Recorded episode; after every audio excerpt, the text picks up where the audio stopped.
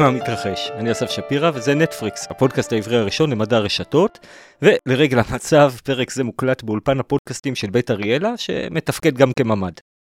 אם הגעתם לפרק הזה, אז אתם כבר יודעות ויודעים שמדע הרשתות הוא נושא מרתק, בין השאר כי הוא רלוונטי כמעט לכל תחום. הסיבה לזה היא כי כמעט כל דבר ניתן לייצג כרשת, בין אם הוא בים, באוויר, בחלל, בסייבר או ביבשה או אפילו מתחת ליבשה. ואת השמועות האלה אנחנו נחקור היום. אחד האתגרים המשמעותיים בלחימה בארגוני הטרור בעזה הוא המימד התת-קרקעי, רשת המנהרות המכונה המטרו של עזה, שנועדה להסתיר את תנועת המחבלים מעיני צה"ל. הערכות מדברות על לפחות 500 קילומטר של רשת תת-קרקעית, מתוכה אותרו במערכה האחרונה לפחות 800 מנהרות או פירים. אמרנו שהמנהרות הן רשת, אז מה המשמעויות שנובעות מכך? המשמעות העיקרית היא שרשת המנהרות תתפלג זנב ארוך, שזו ההתפלגות שלה הקדשנו את פרק 3, ואם עוד לא שמעתם, ממליץ עליו בחום. זה אולי הפרק הכי חשוב בפודקאסט. לבעלי אוזן עצלה אני רק אסביר בקצרה שההתפלגות הזאת אומרת שבכל רשת, הדאטה שלנו יתפלג באותה צורה. יהיו מעט שיהיה להם הרבה, והרבה שיהיה להם מעט. למה הכוונה בהקשר של מנהרות? אז למשל, שיהיו מעט מנהרות ארוכות והרבה מנהרות קצרות. עוד דבר שניתן להעריך הוא שברשת המנהור יהיו מעט רכיבי כשירות גדולים והרבה רכיבי כשירות קטנים. למה הכוונה? רכיב כשירות הוא מושג שדיברנו עליו בפרק 2, והוא נועד לתאר את המבנה הבסיסי של רשתות. רשתות מורכבות מאיים של צמתים וקשתות. ברוב הרשתות נראה אי מרכזי גדול, ולצידו הרבה איים קטנים של צמתים שלא קשורים לשום, לש, לאף אחד חוץ מלרכיב כשירות של עצמם. אני מניח שבכל עיר מרכזית ברצועת עזה יש רכיב כשירות מרכזי שמחבר אזורים שונים באותה עיר, אבל לצידו יש הרבה פירים למנהרות טקטיות, כלומר רכיבי כשירות קטנים שלא קשורים לכלום. המשמעות היא שהשם מטרו עלול קצת להטעות, זה לא נראה לי סביר שכל המנהרות בעזה קשורות זו לזו. כלומר, אם אנחנו מניחים שהרעיון של צה"ל, לפי פרסומים זרים, להציף את המנהרות במי ים הוא רעיון טוב, אז עדיין נדרש למפות את המנהרות המרכזיות בכל תא שטח, אלה שנמצאות ברכיב כשירות המרכזי. פירי המנהרות שנמצאים ליד הים, הם לאו דווקא יהיו מחוברים לרכיב כשירות המרכזי של המנהרות באותו אזור. אבל פה נדרש גילוי נאות. זו לא הרשת התת-קרקעית שרציתי לדבר עליה היום. הרשת התת-קרקעית שכן רציתי לדבר עליה היא ה-Wood Wide Web. כן, שמעתם נכון. Wood Wide Web הוא שם שניתן במגזין Nature לרשת התת-קרקעית שמקשרת בין עצים. זו רשת מוכרת בתרבות הפופולרית, ולדעתי אין פודקאסט מדעי אחד שמכבד את עצמו שלא עשה על הפרק, וכשמקשיבים לפרקים האלה, זה ברור למה הנושא מלהיב כל כך. זה סיפור על רשת נסתרת, תת-קרקעית, שעוברת בין העצים, ודרכה העצים יכולים להשיג משאבים זה מזה, ואפילו להעביר מסרים אחד לשני. אז אם כבר יש כל כך הרבה פרקים על הרשת התת-קרקעית הזאת, למה שוב לחפור? כי בפרק הזה נגלה, כמו שאנחנו מגלים כמעט בכל פרק בנטפריקס, שכשמסתכלים על הדברים מהזווית של הרשת, הניתוח הרשתי חושף לנו תגליות מפתיעות, ולא פעם הפוכות למה שציפינו. קיצר, כרגיל, הולך להיות מסע מטלטל. אז רק מילת אזהרה לפני שמתחילים. הפודקאסט הזה לרוב לא עוסק בביולוגיה, והמציג אינו ביולוג. לא נוכל להיכנס כאן לעומק של כל הנושאים שנציג, ויש המון מה להיכנס. מה, מה לעשות, גם זה נושא מרתק. אז לאלה שירצו להתעמק בחומרים שיופיעו כאן, אני ממליץ להיכנס ללינק ההרחבות שמופיע בתיאור הפרק. שם תמצאו הפניות למאמרים שהוזכרו בפרק, וגם כאלה שלא, תמונות, מפות רלוונטיות ו- ועוד. אה, אז זהו, מעברון קצר, ונתחיל. אז מאיפה בכלל הגיע הרעיון לעשות פרק של נטפריקס על רשתות ביער? הכל התחיל כשאריאל וישנה, איש יקר, העלה תמונה לפורום לינקס בוואטסאפ. הפורום קיים כבר כמה שנים ומכיל מאות חובבות וחובבים של מדע רשתות. התמונה שאריאל צילם הייתה מתוך תערוכת The Art of Data באנגליה, בתקופה שאנגליה הייתה יעד אה, לגיטימי לנסיעה, אה, ובתמונה הופיעה רשת של עצים תחת הכותרת The Wood Wide Web. בהסבר שצורף מטעם התערוכה, נכתב שכמו שהאינטרנט מחבר את האנשים, ה-World Wide Web, כך מדענים גילו שקיימת רשת תת-קרקעית ביערות, שמחברת עצים, ובה הם משתמשים כדי לחלוק משאבים ואפילו להעביר זה לזה מסרים. תגידו, יש נושא יותר מגניב מזה לפרק בפודקאסט הרשתות? כנראה שלא. התמונה של הרשת שהוצגה באותה תערוכה נלקחה ממאמר שנכתב על ידי חוקר בשם ביילר ב-2009. אבל מי שהייתה מעורבת באותו מאמר, ואולי הדמות המזוהה ביותר עם רשת העצים המדוברת, היא פרופסור סוזן סימרד מקנדה. בשיחת TED מ-2016, סימרד סיפרה על סדרת הניסויים המכוננת שביצעה ב-1997, שבאמצעותם גילתה את רשת הקשרים בין העצים וכיצד היא פועלת. פריצת הדרך הזו לא באה לה בקלות, שכן מדובר היה בפרויקט ארוך, שחלקו נעשה גם בשטח, ביערות קנדה. זה אולי נשמע פסטורלי, אבל לא כשמדי פעם דובת גריזלי רודפת אחרייך, כך היא סיפרה. אבל היא גם הוסיפה שזה מחיר קטן לשלם לטובת תגלית בסדר גודל כזה. אז מה היא גילתה? בואו ניתן קצת רקע, ואני רק אזכיר, המציג אינו ביולוג. עצים מזינים ובונים את עצמם באמצעות פוטוסינתזה. בלי להיכנס לעומק התהליך, הפוטונים מאור השמש שנקלט על ידי העץ מסייעים לו בתהליך של קליטת ופירוק הפחמן הדו-חמצני מהאוויר. בתהליך הזה, העץ לוקח לעצמו את הפחמן ומשחרר את החמצן חזרה לאטמוספירה. הפחמן הוא בעצם הפחמימה של העץ, הסוכר שלו.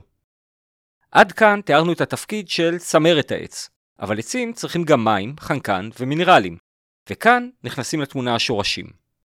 תמיד דמיינתי לעצמי שהשורשים הם כמו הקשיות של העץ, ששותות מים מהאדמה, והופתעתי לגלות שהם בעצם רק השגרירים שלו לעולם התת-קרקעי של הפטריות. לפטריות יש רשת קורים תת-קרקעית משל עצמן. קורי הפטריה שצמודים לשורשי העץ הם אלה שמספקים לו את המינרלים והמים שהוא צריך. סך הכל נשמע כמו ג'סטה יפה ממשהו מגעיל כל כך, אבל מסתבר שהפטריות לא פראייריות. הן מצפות למשהו בתמורה. בגלל שפטריות לא עושות פוטוסינתזה, הן צריכות לקבל את הפחמן שלהן בדרכים אחרות. למרבה מזלן, ובניגוד לילדים קטנים, את עודפי הסוכר שלהם העצים לא מקיאים על השטיח, אלא פולטים אותו, כלומר את הפחמן העודף, למטה, דרך השורשים, לפטריות. אז הנה עוד סיפור יפה על שיתוף פעולה בטבע. כולנו אוהבים לשמוע סיפורים כאלה, בדיוק כמו שכולנו אוהבים תמונות של כלבים מחבקים חתולים. זה נותן לנו תקווה. הנה גם ימנים ושמאלנים, אשכנזים וספרדים, שופטים ונשפטים. כולנו יכולים לחיות יחד בהרמוניה. אבל לפי פרופסור סוזן סימרד, זה רק הקצה של האידיליה הקוסמית. היא גילתה משהו אפילו עוד יותר נהדר. סימרד סיפרה כיצד גדלה בסמוך ליערות, ותמיד הייתה מוקסמת מהם, ובמיוחד מרשת השורשים התת-קרקעית שרצה לה מתחת פני היער. לא פלא שנכנסה לעסק המשפחתי של כריתת עצים, אבל התפקיד שלה שם היה לשתול עצים חדשים במקום היערות שנכרתו. אהבתה זו הובילה אותה לבצע סדרת מחקרים כדי לאתר קשרים בין עצים. מה שהיא עשתה היה לשתול עצים צעירים מזנים שונים ולרסס את חלקם באיזוטופים רדיואקטיביים של פחמן, שניתן לעקוב אחריהם. כך, באמצעות מכשירי מדידה, היא יכלה לעקוב אחרי הנתיב של הפחמן המסומן שרוסס על העץ, והיא גילתה שהוא יורד לו למטה, דרך העלים והגזע, לאדמה, והתגלה בשתילים סמוכים שלא סומנו. אז איך הפחמן הגיע אליהם? כבר אז היה ידוע ששורשים של עצים מאותו זן יכולים להתלכד ולהעביר ביניהם חומרים. אבל זה דורש כמובן ששני העצים יהיו מאותו זן, ושהשורשים שלהם יהיו קרובים מספיק כדי לגעת זה בזה ולהתלכד. כאן היה די ברור שזה לא המקרה. אז איך הפחמן הגיע ליעדו? לסימרד היה הסבר. זה קרה בזכות רשת הפטריות, ה-Common Mycorrhizal Network, ובקיצור, רשת ה-CMN. סימרד הסבירה שהעצים בעצם מחוברים ביניהם באמצעות קורי פטריה דקים תת-קרקעיים, שדרכם מועבר הפחמן. ואיך היא ידעה שהפחמן עבר דרך אותה רשת פטריות? בשביל לבחון את זה, סימרד עשתה שימוש בקבוצת בקרה. ישנם סוגים שונים של עצים, וישנם סוגים שונים של פטריות. עצים שונים מנהלים מערכת סימביוטית עם פטריות שונות. לכן, סימרד בדקה את התיאוריה שלה על עצים שחולקים פטריה משותפת, וריססה את חלקם עם פחמן מסומן. לצידם, היא השתמשה כקבוצת בקרה בעץ שלא חולק פטריה משותפת עם העצים האחרים בניסוי, במקרה הזה עץ ארז. היא הניחה שהעצים המסומנים יחלקו פחמן רק עם העצים שחולקים עם עצמם פטריות משותפות. פטריות עץ הארז אינן משותפות לעצים האחרים, ולכן לא יקבלו את הפחמן המסומן, וזאת תהיה ההוכחה ל-CMN. ואכן, בסרטון TED, היא מתארת כיצד היא מדדה עם מכשיר גייגר את העצים הצעירים, ושמעה את הבזז של המכשיר כשאיתר את הפחמן הרדיואקטיבי המסומן בעצים שחלקו פטריות, ואילו כשהיא קרבה את המכשיר לעץ הארז, דממה. הפחמן המסומן לא הגיע אליו. מבחינתה זו הייתה ההוכחה הניצחת לא רק להעברת פחמן, אלא גם לתפקיד החשוב של הפטריות בתהליך. אבל בעצם למה שהעצים יעבירו זה לזה פחמן? כדי להסביר את זה, מה שסימרד עשתה היה לכסות חלק מהעצים במארז אטום, כך שלא יוכלו לבצע פוטוסינתזה, וכך היא קיוותה שהם אה, ישדרו מצוקה לסביבה שלהם. באותו זמן היא ריססה באיזוטופים של פחמן עצים אחרים בסביבה, שלא היו מכוסים, ושחולקים אותו סוג פטריות כמו העצים המכוסים. כך, בעזרת מעקב אחר הפחמן המסומן, היא גילתה שהוא הגיע אל העצים שזקוקים לו. אז אם לסכם, סימרד גילתה שלא רק שעצים ממינים שונים מעבירים זה לזה משאבים באמצעות פטריות תת-קרקעיות, אלא שהם גם עושים את זה בכוונה. המשמעות של התגלית הזאת היא אדירה. קודם כל, יש לזה משמעויות על אסטרטגיית הייעור ושימור היערות בעולם, וזו סוגיה סופר משמעותית לאור השמועות על ריבוי הפחמן הדו-חמצני באטמוספירה והתפקיד של עצים בפירוקו. אבל יותר מזה, התגלית שלה הופכת את הסיפור של הטבע על ראשו. לפי סימרד, הטבע הוא לא זירת תחרות ענקית בין מינים שונים, אלא בעצם כר פורה לשיתוף פעולה שבו כולם מרוויחים. ואולי הדבר הכי מופלא בסיפור, העצים מעבירים זה לזה פחמן בכוונה. כלומר, עצים יכולים לחוש את מצוקת האחר ולפעול בהתאם. כשעץ נופל לבד ביער, יש מישהו ששומע. כל הזמן שרדפנו אחרי בינה מלאכותית, פספסנו שיש בינה טבעית. יערות הם אינטליגנטים.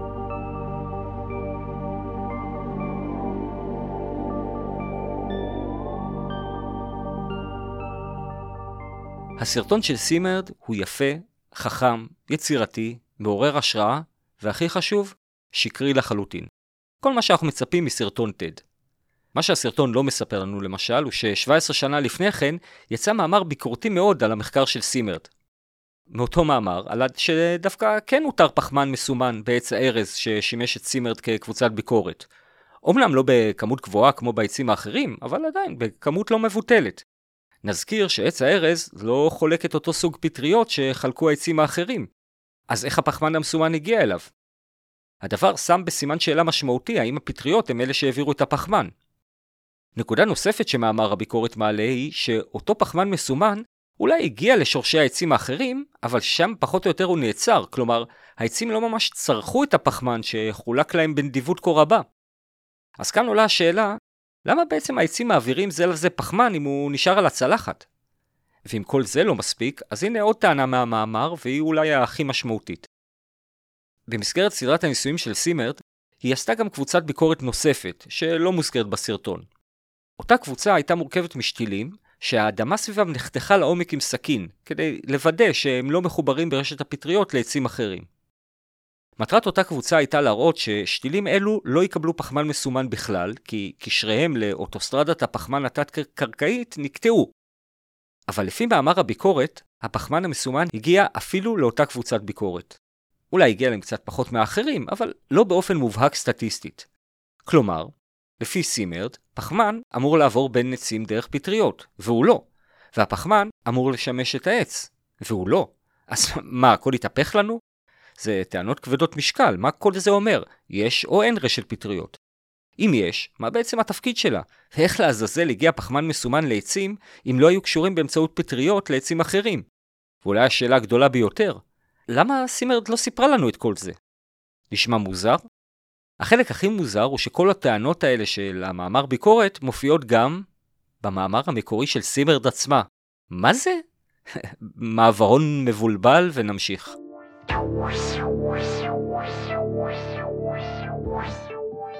הסיפור נשמע לי מוזר, ולכן לא התעצלתי. בדקתי, ואכן, סימרד מציינת במאמר המקורי שלה הרבה מהטענות שהופנו כלפיה. במאמר של עצמה היא מציינת את תופעת הפחמן המסומן בקבוצות הבקרה, ונזכיר, זה פחמן שלפי התיאוריה שלה לא היה אמור להיות שם בכלל. היא גם מציינת שלא היו הבדלים מובהקים סטטיסטית בין כמות הפחמן המסומן שהועברה לשתילים הרגילים ביחס לכמות שהועברה לקבוצת הבקרה. כל זאת ועוד מופיע שחור על גבי מסך במאמרה המקורי של סימרד. כדאי לציין אבל שגרסה אחרת של המאמר שלה שפורסמה בהוצאה המכובדת Nature הייתה קצת יותר מתירנית. שם למשל קבוצת הבקרה הזאת שכללה את עץ הארז לא מופיעה בכלל. אז חוץ מהמאמר הביקורתי והמאמר אה, של סימרד עצמה, אז אה, גם לאחרונה, ב-2023, מאמרים נוספים בחנו לעומק את נושא ה-CMN והביעו תמיכה בטענות הביקורתיות הישנות והוסיפו גם חדשות. אז מה שעולה מכל הדברים האלה, ש- שיש פה פער מהותי בין הסרטון, שפונה לתרבות הפופולרית, לבין מאמרי הביקורת על סימרד, ואפילו המאמרים של סימרד עצמה, שפונים לקהילה המדעית. אבל הדיסוננס לא מסתיים שם. סימרד לא הייתה היחידה שביצעה ניסויים כאלה, והתופעה של פחמן מסומן שמגיע למקומות שהוא לא צריך להגיע אליהם, לפי תיאוריית ה-CMN, מופיעה גם במאמרים נוספים. למרבה האירוניה, אלו מאמרים שנכתבו על ידי חוקרים שדווקא תומכים בתיאוריה של רשת הפטריות, אבל המאמרים שלהם מוכיחים ההפך. למשל, במאמר מ-2009, שבו אגב סימרד הייתה מעורבת, שניסה להוכיח מעבר של משאבים בין עצים דרך רשת פטריות. המאמר מתאר ניסוי שעשה שימוש בחיץ בררני. חיץ בררני הוא מחסום תת-קרקעי עם חורים שמקיף את שורשי הצמח. הוא נקרא בררני כי גודל החורים שלו קובע מה יוכל לעבור בו. למשל, אם רוצים למנוע מעבר של כורי פטריות, החיץ דורש חורים קטנים מאוד. אם רק רוצים למנוע מעבר של שורשים כדי לנטרל אפשרות של מגע שלהם עם צמחים אחרים, אז ניתן להסתפק בחורים גדולים יותר, שיאפשרו לפטריות לעבור, אבל ימנעו מהשורשים לצמוח החוצה. בצורה זו, החיץ יכול לשמש כבקרה על משתנה הניסוי. ובכן, באותו מאמר, תיארו ניסוי שבו השתמשו בפחמן מסומן, בכדי לראות אם ואיך יגיע פחמן מסומן מהשתילים המסומנים לשתילים האחרים. כדי לבדוק האם פטריות מעבירות את הפחמן, אז חלק מעצי המטרה, כלומר השורשים של העצים הלא מסומנים, כוסו בסוגים שונים של חיץ בררני. לחלק חסמו את מעבר הפטריות, כלומר עשו שימוש בחיץ עם חורים מאוד קטנים, וחלק חסמו את השורשים בלבד, כלומר חורים גדולים. בסופו של דבר, הפחמן הגיע גם לאלה וגם לאלה, ולא נמצא הבדל מובהק בין מקרים שבו הייתה חציצה נגד פטריות לבין אלה שלא. והרי אם העברת הפחמן בין העצים תלויה בפטריות, הרי שהיינו מצפים שרשת עם חורים קטנים לא תאפשר מעבר פחמן, וזה לא היה המצב. ולמרות כל זאת, בסיכום המאמר, הכותבים שלו מביעים תמיכה בתיאוריית ה-CMN, כלומר בתיאוריית רשת הפטריות. דבר דומה קרה גם בניסויים שנערכו במכון ויצמן, כן כן, אצלנו, ב-2022. במקרה זה נעשה שימוש בעצים מסוגים שונים שחולקו לשתי קבוצות לפי סוג הפטריה שהם חולקים. לפי תיאוריית ה-CMN, פחמן שהוזרק לקבוצה אחת לא אמור היה להגיע לקבוצה השנייה, כי אין ביניהן חפיפה של רשת הפטריות התת-קרקעית. ובכל זאת, הפחמן הגיע גם הגיע מקבוצה לקבוצה. גם כאן כותבי המאמר נחשבים תומכים של תיאוריית רשת הפטריות. זה דיסוננס קצת מטורף שאני יכול רק לשער מה הוגי הפילוסופיה של המדע היו אומרים עליו. אז מה היה לנו עד עכשיו? סוזן סימרד וחוקרים נוספים טוענים שעצים מעבירים ביניהם פחמן דרך רשת פטריות. בפועל, מה שראינו, ולמעשה מה שהם ראו גם, זה שגם כשאין רשת של פטריות שמחברת בין העצים, הפחמן עדיין עובר ביניהם. אז אם הפחמן לא עובר דרך פטריות בתת קרקע, וגם לא דרך שורשים, איך הוא כן עובר? את המסתורין הזה נשמור לסוף. בינתיים, בואו נעשה איזה אחורה פנה קטן ונדבר על הלמה. למה בכלל שנחשוב שפחמן עובר בין עצים? זו לכאורה שאלה טיפשית, מה זאת אומרת למה הוא עובר? לא סגרנו שפחמן זה הסוכרים של העץ? עץ צריך סוכר, ולכן הוא ייקח פחמן איפה שהוא רק ימצא אותו. זה לכאורה נכון, אבל יש כאן קאץ'. והקאץ' מקורו שוב בסימרד עצמה. וזה מביא אותי אולי לחלק הכי מעניין במאמר שלה. בחלק הזה, שבו היא ניסתה להסביר מדוע הפחמן נעצר בשורשי העצים ולא עלה לצמרת, היא מציינת שהעלים של העץ הם בכלל לא יעד לפחמן. מה? עלים, נזכיר לעצמנו, הם אלו שאחראים על הפוטוסינתזה בעץ. כלומר, הם יצרני הפחמן. אז בעצם, מה הם צריכים פחמן מהשורשים? זה כמו לנסות למכור ביטקוין לרמאים. בעצם מה שסימרד אומרת לנו זה שאין בכלל סיבה שפחמן יגיע לעץ. אבל כאן ניתן לטעון, וסימרד עושה זאת, שהפחמן כן נדרש במקרה של זרעים של עץ, או עצים רכים שרק מתחילים לצמוח. בשלב הזה יכולות הפוטוסינתזה של הצמח מאותגרות, כי הזרעים לא רואים שמש בכלל, והצמחים הקטנים מוסתרים בצל של צמחים גדולים, ולכן הם צריכים את התמיכה החיצונית הזאת. אני חייב להגיד, נשמע הגיוני. אבל אם ככה, ועצים גדולים לא צריכים לקבל פחמן מעצים אחרים, אז איפה פה ה-wood wide web? אל תגידו לי זרעים. איפה העצים המקושרים שבשבילם התכנסנו? כדי לענות על זה, סימרד המציאה נרטיב חדש. mother tree או עץ אם.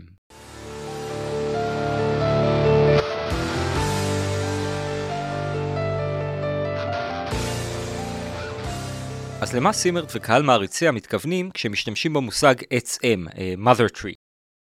אפשר להבין את המושג הזה בשני מישורים.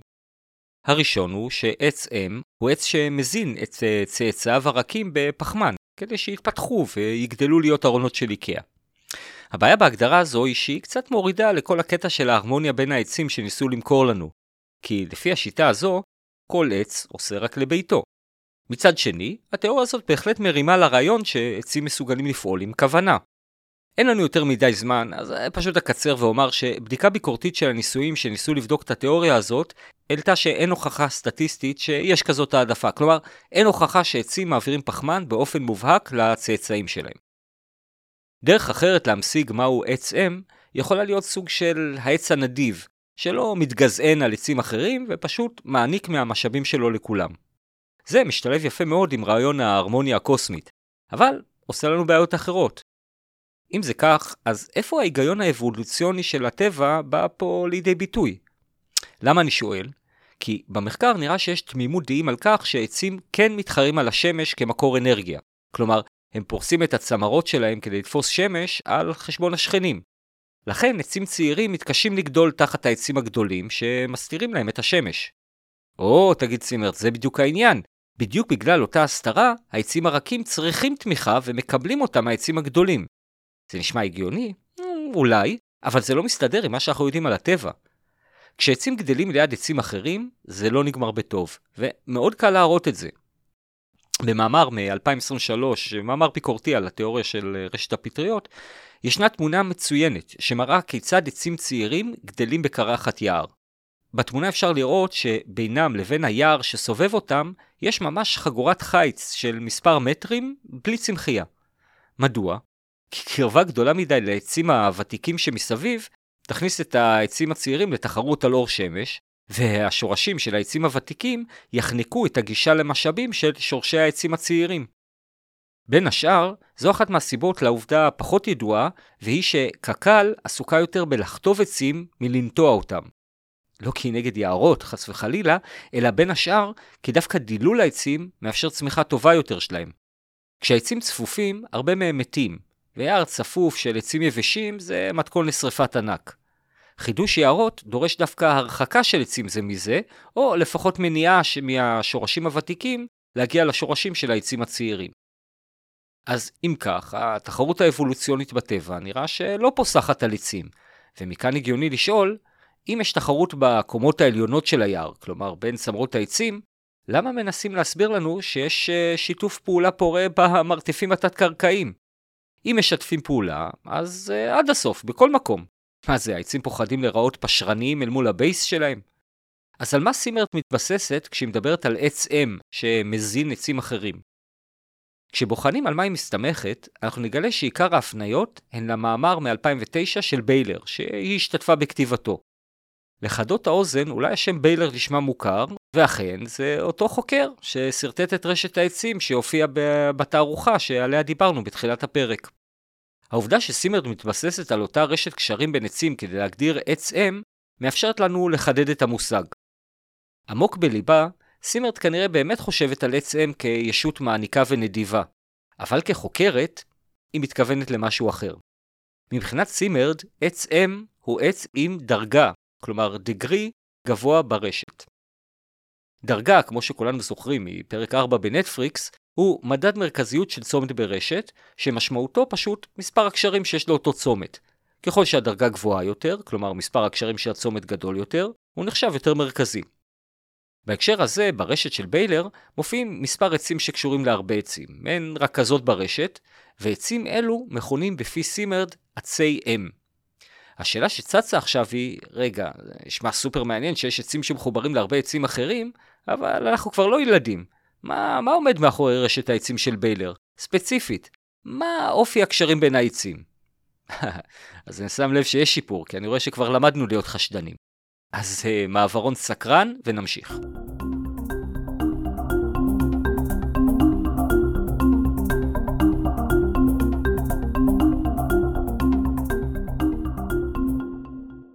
אז בואו נדבר על הרשת של ביילר. ביילר ביצע עבודת נמלים, תרתי משמע, כשחפר בגזרה מתוחמת ביער קנדי, מסביב לכ-70 עצים, וגם בנקודות נוספות בקרקע באותה גזרה. מטרת החפירות הייתה לאתר את קורי הפטריות בשורשי העצים ובשטח שביניהם. מכיוון שקורי הפטריות הם עדינים מאוד, קשה עד בלתי אפשרי להתחקות אחריהם. לכן, מה שביילר עשה היה לחפור והרבה. הוא חפר סדר גודל של 400 נקודות בשטח, מסביב לעצים וגם בקרקע שביניהם, בחיפוש אחר פטריות. על הפטריות שביילר מצא, הוא עשה עבודת שורשים תרתי משמע, כלומר הוא חקר את ה-DNA שלהן. מטרתו הייתה לאתר האם הפטריות שמצא במקומות שונים ביער התפתחו מאותו מקור, וכך יכול היה להעריך עד לאן התפשטה כל פטריה. ואכן, הוא מצא בחלק מהמקרים שאותה פטריה ממש, ו/או צאצאיה, התפשטה בין מספר עצים, לעתים למרחקים של קרוב ל-20 מטר, לא רע. בשלב השני, ביילר מיפה את הקשרים בין נקודות החפירה, כלומר, אם בשתי נקודות שונות בקרקע נמצאה אותה פטריה, על סמך ההתאמה הגנטית, זה נחשב לקשר בין אותן נקודות. חלק מהנקודות שנחפרו, כפי שציינו, היו בשורשי העצים, ולכן נקודות אלה סומנו ברשת כצמתים מסוג עץ, ושאר הנקודות בשטח סומנו כצמתים מסוג פטריה. ברשת שביילר קיבל הופיעו אם כן שני סוגי צמתים, עצים ופטריות, כלומר רשת דו-צדדית, Biparted Network. נזכיר שרשת דו-צדדית היא רשת שבה יש לנו שני סוגים של צמתים. עם רשת כזו אין הרבה מה לעשות בתצורתה הגולמית. כדי להפיק משמעות מרשת כזאת, אנחנו נדרשים לקפל אותה, שזה אומר להשאיר רק סוג אחד של צמתים ואת השני למחוק. על הסיבות לזה דיברנו בפרקים קודמים, ובעיקר בפרק 17, שבו גם דיברנו על יישומים שונים של קיפול הרשת, למשל במערכות המלצה על מוצרים. איך זה עובד? אה, מוזמנות ומוזמנים לחזור לאותו פרק. אז חזרה לענייננו. במקרה הזה, הקיפול נעשה על סמך ההנחה שאם שני עצים קשורים לאותה פטריה, לא לאותו סוג של פטריה, אלא לאותה פטריה ממש, אז יש קשר ביניהם. עכשיו אנחנו יכולים למחוק מהרשת שלנו את הצמתים של הפטריות, ולהישאר רק עם רשת של עצים, וזה מה שביילר עשה. התוצר של עבודתו היה רשת צפופה מאוד של עצים, שהקשר ביניהם הוא שאותן פטריות גדלו בסמוך אליהם. כשסימר דביטה ברשת, היא הצביעה על אותם עצים שקשורים להרבה עצים אחרים, כלומר עצים עם דרגה גבוהה, כעצי אם. להבנתה, מדובר בעץ שמשתמש ברשת הפטריות הענפה שלו לפנק את סביבתו. אבל חשוב לציין שהרשת שביילר מיפה היא רשת לא כיוונית. כלומר, בגלל אופי הדאטה וקיפול הרשת שעשינו, אנחנו לא יודעים איזה עץ מצביע על איזה עץ, כי ברשת לא כיוונית אנחנו לא יודעים מי יצר את הקשר או מי מעביר למי. מה זה אומר? זה אומר שתאורטית כשמנתחים את הרשת, התרחיש הבא אפשרי באותה מידה. אותו עץ אם, או עץ מקושר מאוד, לא מעניק משאבים לשאר העצים, אלא גונב אותם. כלומר, כפי שאפשר להלל את עץ האם כמי שמחלק פחמן לעניים, באותה מידה אפשר להאשים אותו בקפיטליזם חזירי וגנבת משאבים מעצים אחרים. אז איך נדע מה נכון? יש לי השערה, אבל כדי להבין אותה נצטרך להתעמק עוד טיפה ברשת שלנו. לא במפתיע, בלר גילה שהרשת מתפלגת התפלגות זנב ארוך, או פאוור לו. מה זה? עדיין לא שמעתם פרק 3? לכו לשמוע, אני אחכה כאן. חזרתם? מצוין. אז בהקשר שלנו, התפלגות זו אומרת שלמעט עצים היו קשרים רבים ברשת, ולרוב העצים היו רק קשרים בודדים. המאזינות והמאזינים הנאמנים של נטפריקס לא, לא הופתעו מן הסתם לגלות את זה, הרי אנחנו יודעים שכל רשת מתפלגת ככה. אבל מה שכן מחדש הוא שבמאמרו, ביילר השווה את הרשת שיצר לרשת ממאמר אחר שעשה מחקר דומה לשלו בקליפורניה ב-2005. מה שביילר הראה הוא שברשת הקליפורנית, ההתפלגות של דרגות העצים הייתה התפלגות פעמון. כלומר, ותחזיקו חזק, התפלגות נורמלית. איך זה יכול להיות? הרגע סיכמנו שכל הרשתות מתפלגות זנב ארוך, אז מה, מה קרה כאן? לא התעצלתי, בדקתי. ביילר, שמצא שהרשת שלו מתפלגת זנב ארוך, עשה את המחקר בחלקת עצי אשוח במורדות הר בקנדה. ברשת עם התפלגות זנב ארוך יש מעט צמתים מרכזיים, את זה אנחנו כבר יודעים. אבל מי הם אותם רכזות ברשת של ביילר? מה, מה אפיין אותם? אנחנו יודעים להגיד שעץ יחשב כמרכזי ברשת אם נמצא עליו את המגוון הרחב ביותר של פטריות, כי זה יגדיל את הסיכויים שלו להיות קשור לעצים אחרים. לא במפתיע, זו תכונה שתאפיין את העצים הגדולים והוותיקים יותר בחלקת היער. זה גם הגיוני, כי היה להם זמן רב יותר לגדל שורשים ולאסוף פטריות. אבל איפה נמצא את העץ המקושר ביותר? אז במקום הראשון נמצא עץ ותיק עם דרגה 47, כלומר, הוא קשור ל-47 עצים דרך פטריות משותפות, ופיזית הוא ממוקם בפינה הדרום-מזרחית של הגזרה, אותה ביילר חקר. דרום-מזרח זה גם כיוון ההשתפלות של השטח, כלומר זהו העץ במיקום הנמוך ביותר. בלי להבין יותר מדי בביולוגיה, אבל עם ידע בסיסי בכוח המשיכה, אני יכול להעריך שקרקע נוטה להיסחף למטה, ועם כל הלוקל פטריוטיות של הפטריות, האדמה לוקחת את הפטריות יחד איתה. כך כנראה יוצא שהעץ שממוקם בתחתית המדרון זוכה למרב הפטריות. האם זה אומר שהוא מקושר להרבה עצים? אני מניח שבוודאי לא באופן שבו סימרד מתארת קשר, כלומר החלפה אינטראקטיבית של חומרים. למה זה קפץ לי לעין? כי בניגוד למחקר של ביילר שנעשה במורדות הר, המחקר אותו ביילר מצטט, זה שיצר התפלגות פעמון, הוא מחקר מ-2005 של סאות'וורת, שנעשה בסוואנה בקליפורניה. ורק ליתר ביטחון בדקתי, ואכן, תא השטח שחקר סאות'וורת הוא שטוח כמו מסך לד. וזה אולי מסביר למה הוא מצא שהקשרים בין העצים באמצעות הפטריות מתפלגים נורמלית. למה זה מסביר? כאן אנחנו צריכים לחזור לגיבורה הטראגית שלנו סימרד. אני קורא לה גיבורה טראגית כי כמוני, התאהבה ברשת, אבל מהסיבות הלא נכונות. ברשתות וניתוח רשתות יש הרבה כוח, אבל חשוב לדעת איך להשתמש בו כדי לא לטעות ולהטעות. כעת בואו נראה מה ההבנה של הרשת מלמדת אותנו. כשסימרד וביילר דיברו על הרשת שלהם, הם ממש שמחו לגלות שהיא מתפלגת זנב ארוך. למה?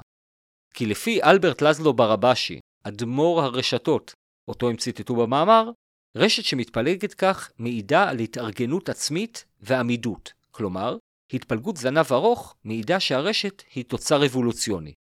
על זה אני לא מתווכח, לא רק כי ברבשי אמר. רשת שמתפלגת זנב ארוך היא אכן כזו, והיא אכן כזו, היא אכן תוצר אבולוציוני, ודיברנו על זה בפרק 3 שעוסק בחוקי הרשת. אבל הטיעון המשלים לזה הוא שרשת שמתפלגת נורמלית היא רשת אקראית. כלומר, אם סתם נגריל מי יהיה קשור למי, נקבל רשת שההתפלגות הקשרים בה תהיה התפלגות פעמון. לחלק יהיו מעט קשרים, לחלק הרבה, אבל לרוב תהיה כמות בינונית. ומכאן אנחנו בעצם למדים שכשהעצים והפטריות גדלים במישור, אז הקשרים ביניהם הם רנדומליים, ולכן מתפלגים פעמון. כשהם גדלים במדרון, הם עדיין גדלים באופן אקראי, תאורטית, אבל תוואי השטח משפיע עליהם, וגורם לרובם לנטות מטה, או לחילופין, למיעוט מהם לטפס מעלה. ברגע ששיקולים אנרגטיים נכנסים לתהליך, כבר אין אקראיות, והרשת תהפוך לרשת זנב ארוך. מה שעוד ניתן ללמוד זה שכנראה שיש לנו תשובה לשאלה ששאלנו מקודם. בהיעדר כיוונים לקשרים שלנו ברשת, מה העץ אם המקושר שלנו יותר? נדיב או חטפן? לאור הממצאים, אם העץ שלנו נהנה מקשרים רבים והוא ממוקם בתחתית המדרון, זה נראה שהמשאבים של האחרים פשוט זורמים אליו, מה, מה שהופך אותו מצדיק הדור לחתיכת מניאק. וואחד מהפך. אבל כל הסיפור הזה הוא סתם דיון תיאורטי, זה לא באמת משנה. למה? קודם כל, כי לא בהכרח עדיין הוכחנו שיש כאן בכלל רשת. נזכיר שקורי הפטריה הם עדינים מאוד, הם לא גדלים באופן שווה, ולא בהכרח מכסים את כל הצמחייה. זה שהכורים של אותה פטריה הצליחו להגיע למספר עצים, לא אומר שאותם כורים שרדו ולא התנתקו איפשהו באמצע, כך שלא בטוח שיכלו להעביר בכלל משאבים מעץ לעץ. בנוסף, גם אם אותם כורים תת-קרקעיים שרדו, עדיין לא הוכחנו שמשהו עובר על הרשת הזאת. כלומר, באותו מאמר של ביילר, אין שום הוכחה, או בכלל אזכור, למעבר של פחמן בין עצים על רשת הפטריות. למה זה מוזר? כי מחקרו של ביילר על רשת העצים מצוטט המון בהקשר של רשתות ה-CMN שהזכרנו, וסימרד עצמה מציינת אותו כהוכחה לקיום רשת העברת פחמן ולתיאוריית עצי אם נדיבים, למרות שאין שום דבר במאמר שתומך בזה.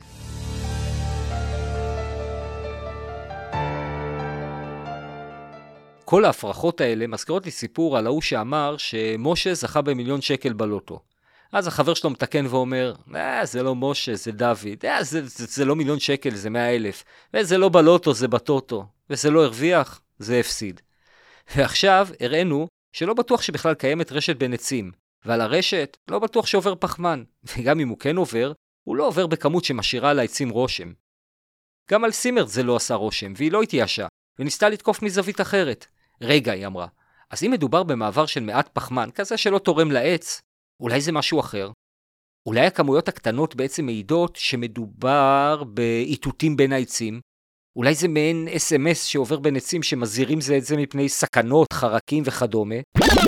די, אי אפשר להמשיך עם הגישה הזאת. התעלמנו מהן, שיעבדנו אותן, חתכנו אותן, מחקנו אותן מהרשת, די, אני לא אתן יד להמשך של הגז לייטינג הזה. הכוונה היא להתנסות של סימרד, המייצגת של מחנה העצים, על מחנה זניח שקצת שכחנו ממנו, מחנה הפטריות. עד עכשיו הצגנו נרטיבים שרק מנצלים ומחפצנים את הפטריות, כסוג של שפחות של העצים, כאלה שמריצות פחמן ומסרים מצד לצד, אבל עד כאן. הפטריות ואני דורשות להבין, מה יוצא להם מכל הסיפור? ההסבר האבולוציוני לקשר בין הפטריה לעץ הוא הרי ברור, ושני הצדדים מרוויחים ממנו משאבים. ההיווצרות של הסימביוזה הזאת היא לא בגלל שהעץ והפטריה עשו swipe right ומצאו match, אלא היא נוצרה בתהליך של ברירה טבעית. פחמן לעומת זאת הוא מקור האנרגיה של הפטריה. איפה חלוקה חופשית שלו לעצים משרתת את הצרכים האבולוציוניים של הפטריה? איפה הקול שלה? איפה הנציג שלה במחקר המדעי? כאן נכנסת לתמונה דוקטור מלאני ג'ונס, שהייתה שותפה למאמר המפורסם של סימרד מ-1997, ובחרה להכות על חטא, ולקחת על עצמה את ייצוג מחנה הפטריות. כדי לסכל את תיאוריית ה-SMSים, ג'ונס הביאה כדוגמה ניסוי שנעשה בין עץ אשוח לעץ אורן, כדי לבדוק האם הם יזהירו זה את זה מהתקפת תולעים? כשביצעו חציצה מלאה בין העצים, אכן לא עבר דבר בין העצים על התקפת תולעים. לעומת זאת, כששמו חיץ בררני מסביב לתשתית תת הקרקע של העץ, כזאת שאפשרה מעבר של פטריות אבל לא של שורשים, כן נראתה תגובה מובהקת. כשעץ האשוח הותקף, עץ האורן החל להפעיל אנזימים להגנה מפני תולעים. ואם זה לא הוכחה להעברת מסרים, אז מה כן? אבל אז, בחלק של הניסוי שבו הוסרו כל המחיצות, ושורשי שני העצים ממש יכלו גם לגעת זה בזה, למרבה הפלא, במקרה הזה, לא הועברו שום מסרים ולא הופעלו שום אנזימים בעץ האורן לאחר המתקפה על עץ האשוח. למה החלק הזה בניסוי הוא בעצם הכי משמעותי? כי הניסוי האחרון שתיארנו הוא הדבר הכי דומה למה שנמצא בטבע. בטבע, מה לעשות? עצים נוגעים זה בזה, אין מחיצות. אז מה אנחנו בעצם לומדים מהניסוי הזה של מלאני ג'ונס? אנחנו לומדים שאנחנו פשוט לא יודעים.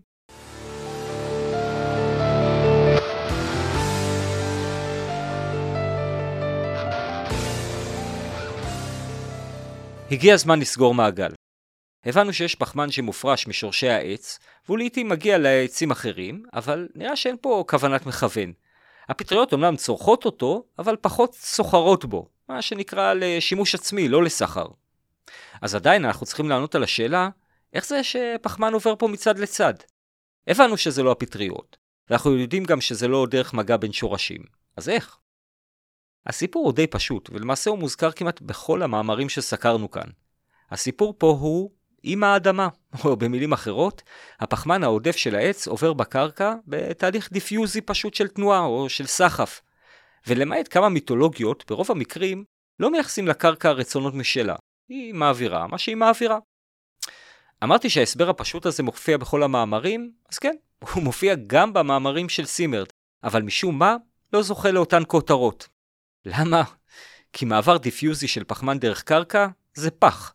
אין פה איזה אמת גדולה או מסתורין גדול, לפחות לא יותר מסתורין משוקו שנשפך על הרצפה ומגיע לשטיח. לזכות הנחישות של סימרד נגיד, שהיא ניסתה להיאבק בהסבר הזה, וכך למשל, במאמר מ-2011 שהייתה מעורבת בכתיבתו, מתוארות תוצאות של ניסוי, שבו לכאורה נראה כי היה יותר מעבר של פחמן בין עצים דרך שורשים או רשת פטריות, מאשר דרך הקרקע. אבל אפילו במאמר הזה מופיעה אזהרה שיש להתייחס לנתונים בזהירות, כי הם לא מובהקים סטטיסטית.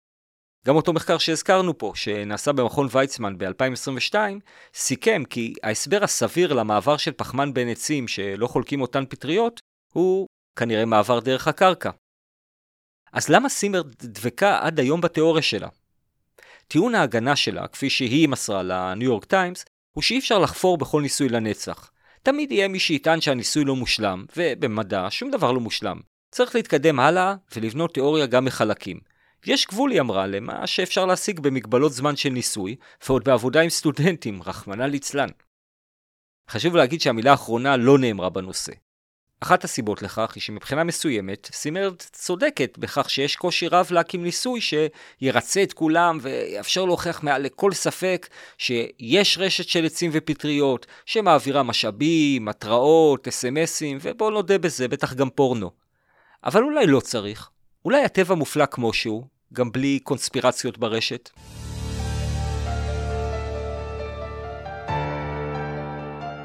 לקראת סיום, הנה אוסף פנינים שבצדק לא עברו את הסלקציה לפרק. העצים לא נחמדים, כי כדי לעשות פוטוסינתזה הם בחרו בפתרון אלים. עץ שקשור ל-47 עצים זה גזע משובח. התיאוריה של סימרד לא הצליחה לה, מה שנקרא עוצו עץ ותופר. סימרד גם סיפרה שרדף אחרי הדוב במהלך הניסוי, אז כן דובים וכן יער, אה, אבל לא רשת. בניגוד לבדיחות קרש, את בשורת מדע הרשתות דווקא כן צריך להפיץ בכל מדיום. ואם את או אתה רוצים לקחת בזה חלק, הנה הדרך לעשות את זה. ספרו לאנשים שאתם מכירות ומכירים על נטפריקס, ואם אין לכם חברים, תעלו פוסט ותתייגו את נטפריקס בפייסבוק, טוויטר, אינסטגרם או לינקדאין, מבטיח לא להשאיר אתכם תלויים עם אפס לייקים. תמיד אפשר ומומלץ לדרג את הפודקאסט בספוטיפיי או באפל פודקאסט ו/או לכתוב ביקורת, אז אם עוד לא עשיתם לייק בדף של נטפריקס בפייסבוק, זה הזמן. אתרים עם יותר לייקים מקבלים יותר חשיפה. לפניות, הערות, הארות, הצעות ועוד, שילחו מייל. ולבסוף, לא לשכוח לעשות subscribe לפודקאסט באפליקציה החביבה עליכם. תודה רבה ללהקת קומפייל על המוזיקה, ולאולפן הפודקאסטים של בית אריאלה על האירוח. נתראה בפרק הבא של נטפריקס, ואני מקווה בתקופה שפויה יותר לכולנו. תודה רבה.